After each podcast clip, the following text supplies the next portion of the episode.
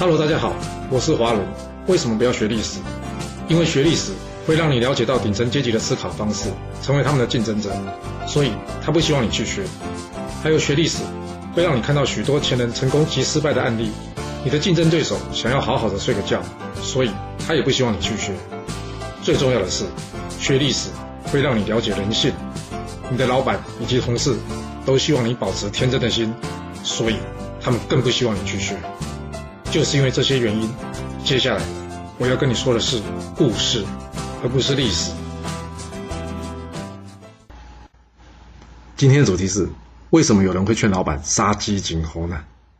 常常看到有人在老板面前嚼舌根，说同事坏话；又或者是呢，开会的时候，老板训斥某位同事，而一旁其他的同事呢，却在那边加油添醋，或是加火添柴的。表面上呢，这两人看似无冤无仇的，但是。为什么要害他呢？其实，那要看你怎么定义“仇”这个字啊。对方攻击我，我就与对方有仇；或是对方怒骂我，我就与对方有仇。这种表面上的仇很好判断，因为已经有现实上或是实际上的伤害产生了。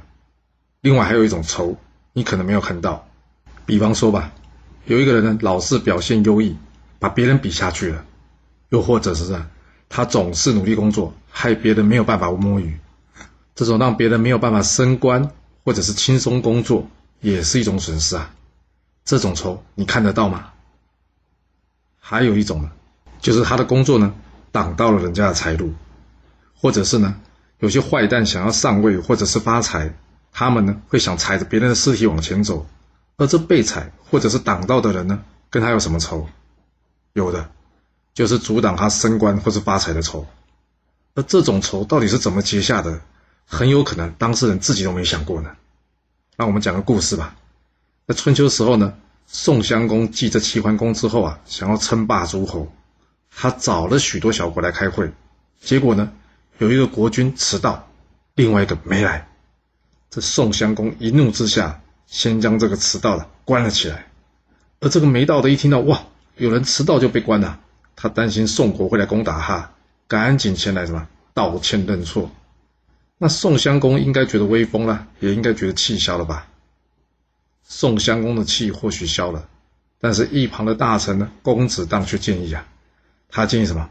将这一开始没有来的国君啊，给杀了祭神，这样怎样可以讨好外族，以便呢，将来宋国呢有需要的时候呢，可以利用这外族来出兵帮忙。就算这外族啊不出兵帮忙宋国吧。因为宋国这杀国君的举动啊，也可以怎样震慑诸侯？你觉得这公子荡为什么给这样的建议啊？真的是为宋襄公好吗？但是他这个建议，大臣们都不认为是好方法哎。那还是他与这个国君有什么仇呢？也没有听说哎。两个都不是，那是什么原因啊？你把故事往下听，或许就会有答案了。这宋襄公呢？接受了公子当的建议，准备杀这国君去祭神。那总得有人去通知这外族的首领吧？谁去呢？要不要带礼物去呢？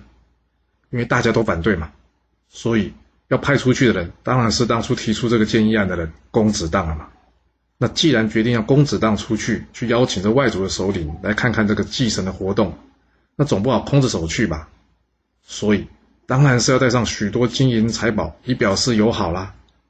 但这么大费周章的结果，你猜这外族的首领会有多少人来管理呀？答案是零。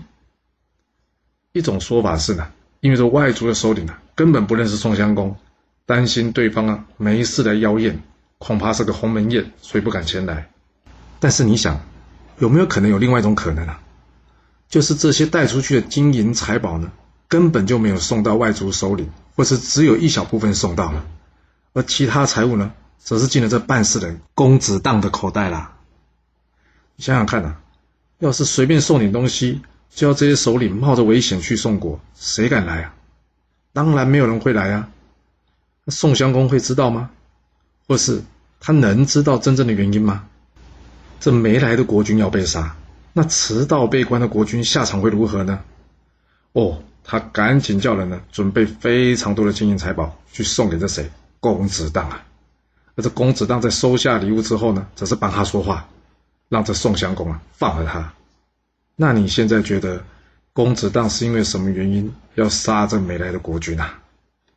记住啊，要是你觉得有人一直针对你，但是你们并没有仇，这很大原因呢，有可能是什么？他嫉妒你，还有另外就是什么？你挡了他的财路，又或是怎样？他已经把你变成他生财的工具，只是你不知道而已。跟好人才能讲是非，那跟坏蛋呢？坏蛋只会跟你谈利益，而且还是他私人的利益，绝对不是什么公司或是大家利益啊！想要做好人，必须先了解坏人，或是知道人会有多坏。一定要注意啊，不是表面上跟你有仇恨的人才会对付你，你说是吧？好啦，我们今天先说到这。如果你就是不听我的劝，想知道完整版的故事内容，你可以从说明栏找到我爱故事频道的连结。不过记住哦，你是来听故事的，而不是来学历史的。要是您喜欢这个频道，麻烦您动动您的手指，追踪、留言，或是给我五星评价的支持以及分享。谢谢您来收听，我们下次再见。